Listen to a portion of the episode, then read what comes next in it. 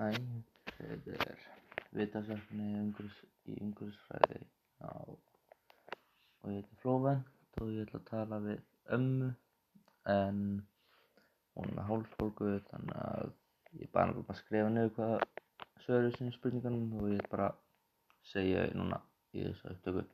Vona sé í lagi. Hún, er sérst fædd 1948 í Keflavík og ólst upp þar. Það verður ekkert sjónvarpsbanarheimili.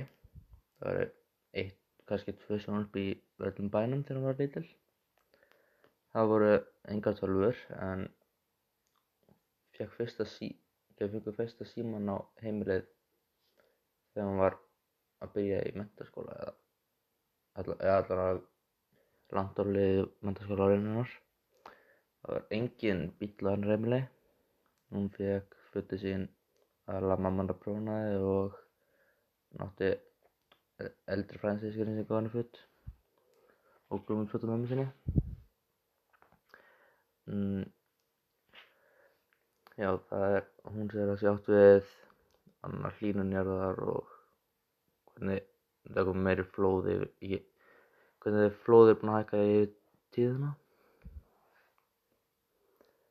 og það sem hún heldur að því þannig aukinn gróðsar áhrif að fólk sé að nota meira meira, meira gas heldur að vera alltaf mikið að fólki að nota gas og og að hafa neikvæð áhrif á náttúruna mm. tengsláslagsbyrninga og aukinn gróðsar áhrif á, á mannavöldum eru til dæmis að nota fólk sem notar er miklu olja á bílinn og er með mikið að ferðast með flugvélum. Hún horfði mikið á fréttir og þau tekið eftir því að hana, það er oft stór flóð sem er að gerast alltaf með það heim.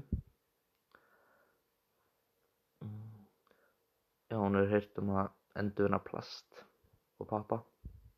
Svo þau endurna plast svo að það mun ekki eiginlega sjóun og vatnsbólu og allt það. Og endur nýja pappa svo að annað þau þurfi ekki að höggva niður fleiri tré. Og já.